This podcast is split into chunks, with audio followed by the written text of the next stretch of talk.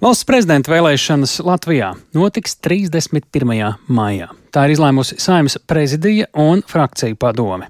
Politiķu līdzinēju izteikumi liecina, ka uz valsts prezidenta amatu varētu būt vairāki pretendenti, taču viņu vārdi joprojām vēl nav zināmi.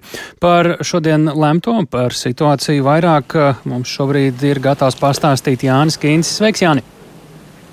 Sveiks, tēls, sveicināti klausītāji. Jā, šodien saimnes prezidiju un frakciju pārstāvju lēmumu pieņemšana par valsts prezidenta vēlēšanām. Tam bija vajadzīgs vien dažas minūtes, un vienošanās tātad paredz konkrētus datumus, un varbūt pašā startā par tiem, lai pastāst Edgars Tavars, apvienotā saraksta saimnes frakcijas vadītājs. Tā ceļa karte ir tāda. 9. līdz 13. maijs ir uh, iesniegšana prezidenta Un savukārt 31. maija ir prezidenta vēlēšanas. Un uh, jaunajam prezidentam jāstājas amatā 8. jūlijas.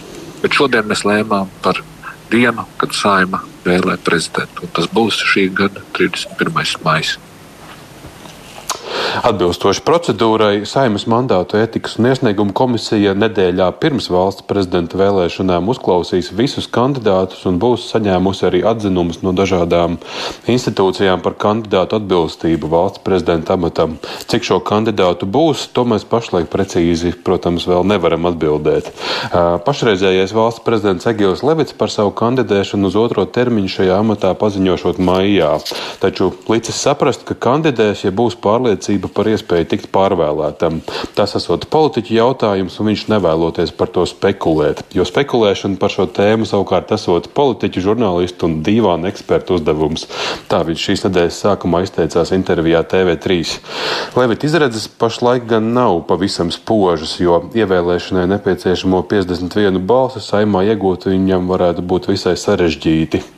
Līdz šim par Levitu atkārtotu kandidēšanu vislabvēlīgāk ir runājuši jaunās vienotības un Nacionālās apvienības pārstāvji, un šīm frakcijām saimā kopā ir 39 balsis. Savukārt koalīcijā ietilpstošā apvienotā saraksta frakcija virzīs savu kandidātu uz valsts prezidenta amatu, un uh, neoficiāli jau ilgāku laiku ir runāts, ka tas varētu būt apvienotā saraksta idejas virzītājs uzņēmējs Uldis Pīlēns. Viņš pats gan par šo tematu ir izteicies pavisam izvairīgi. Uh, Levitu amatā neatbalsta saimnes opozīcijas frakcijas, Zaļo zemnieku savienībā ietilpstošā Latvijas zemnieku savienība kandidātu izraudzīšoties no savu biedru vidus un varētu par to paziņot kongresā 1. aprīlī. Tāpat arī Latvija pirmajā vietā un stabilitātē frakciju pārstāvji par kandidātu virzīšanu gan nav runājuši, taču Levita pārvēlēšanu neatbalstīšot. Savukārt progresīvie uzsvēruši, ka kandidātiem uz valsts prezidenta amatu ir jābūt ar nevainojamu reputāciju. Neoficiāli minēts, ka šī frakcija uz augstu amatu varētu apsvērt kādreizējo uh, satversmes tiesas priekšsādātāju Sanitu Osipovu. Iepriekš arī izskanējis, ka Rīgas pilī esot vērtēts plāns B, ja Levitam neizdodas panākt saimnes vairākumu atbalstu.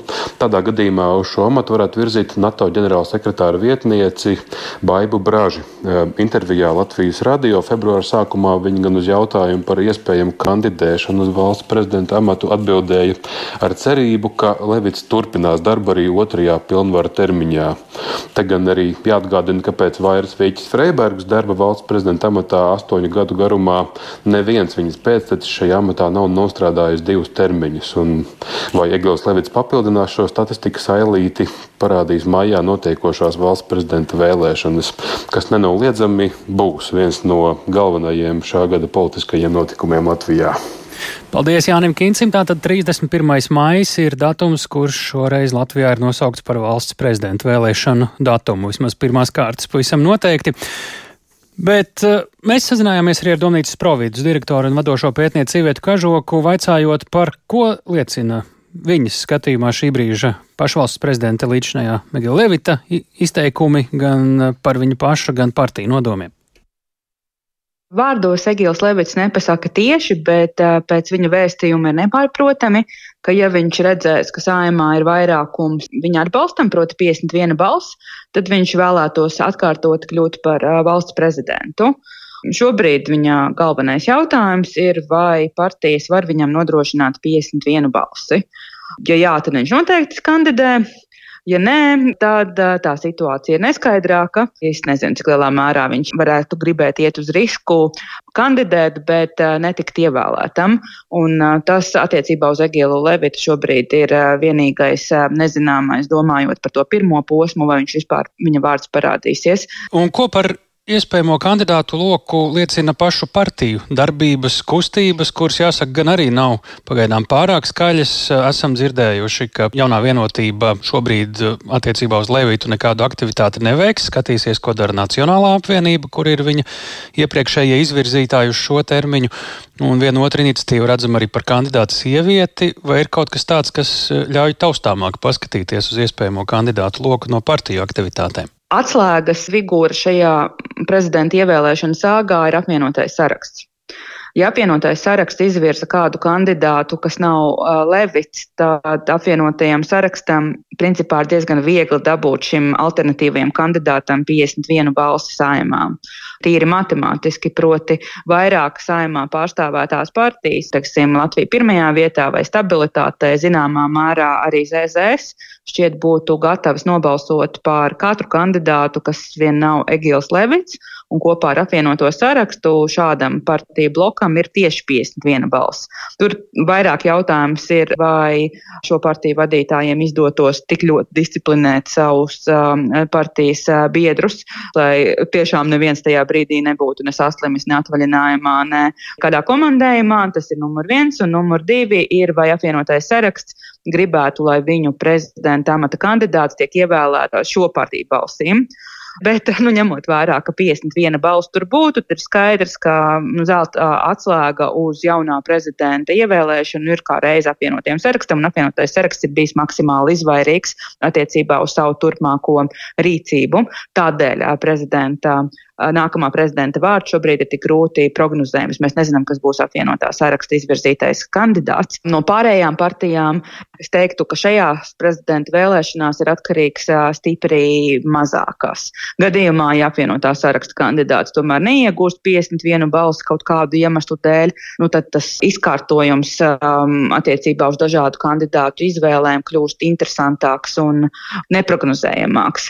Tāpēc tas, ka jaunā vienotība un Nacionāla apvienība Savienība atbalstīs Egilu Levitu, ja vien viņš kandidēs, ir pilnīgi skaidrs, bet, manuprāt, neviens nezina, vai Egilu Levitu atbalstīs eh, vēl kāda no partijām, un teorētiski viņam pietiktu arī ar apvienotā saraksta balsīm, vai arī progresīvo balsīm ar dažām apvienotā sarakstu deputātu balsīm, kas arī nodrošinātu šobrīdējiem prezidentam viņa ievēlēšanu. Jo vienkārši tā politiskā loģika šobrīd ir tāda, ka, nu, principā Egils Levits kā kandidāts ir saprotams Nacionālajai apvienībai un jaunajai vienotībai. Citām partijām īsti nav politiskās loģikas viņu atbalstīt, ja vien tie alternatīvie kandidāti nav daudz sliktāki kā Egils Levits. Līdz ar to es saprotu, kāpēc šobrīdējiem prezidentam ir tik grūti pateikt, vai viņš vispār kandidēs uz nākamo amatu, un kāpēc citām partijām, no kurām visvairāk šobrīd ir atkarīgs viņa ievēlēšanas izredzes, nu, teiksim, tie ir progresīvie un apvienotais saraksts, ir tik grūti Egilam Levitam sniegt atbalstu, jo viņš tomēr nu, savā iepriekšējā iepriekšējā prezidentūras laikā ir nu, diezgan izteikti bijis simpatizējoši divu politisko partiju politiskajam kursam, it sevišķi Nacionālajai apvienībai, daļai arī jaunajai vienotībai, un līdz ar to nu, teiksim, iegūt atbalstu no apvienotā saraksta un progresīvajiem, skaidrs, ka viņam ir sarežģīti. Tāds politiskais šahs, domnīcas providus direktors un vadošās pētnieces Sīvētes Kažokas redzējumā. Atgādinām šodien paziņots, ka Latvijā valsts prezidenta vēlēšana pirmā kārta gaidām 31. maijā.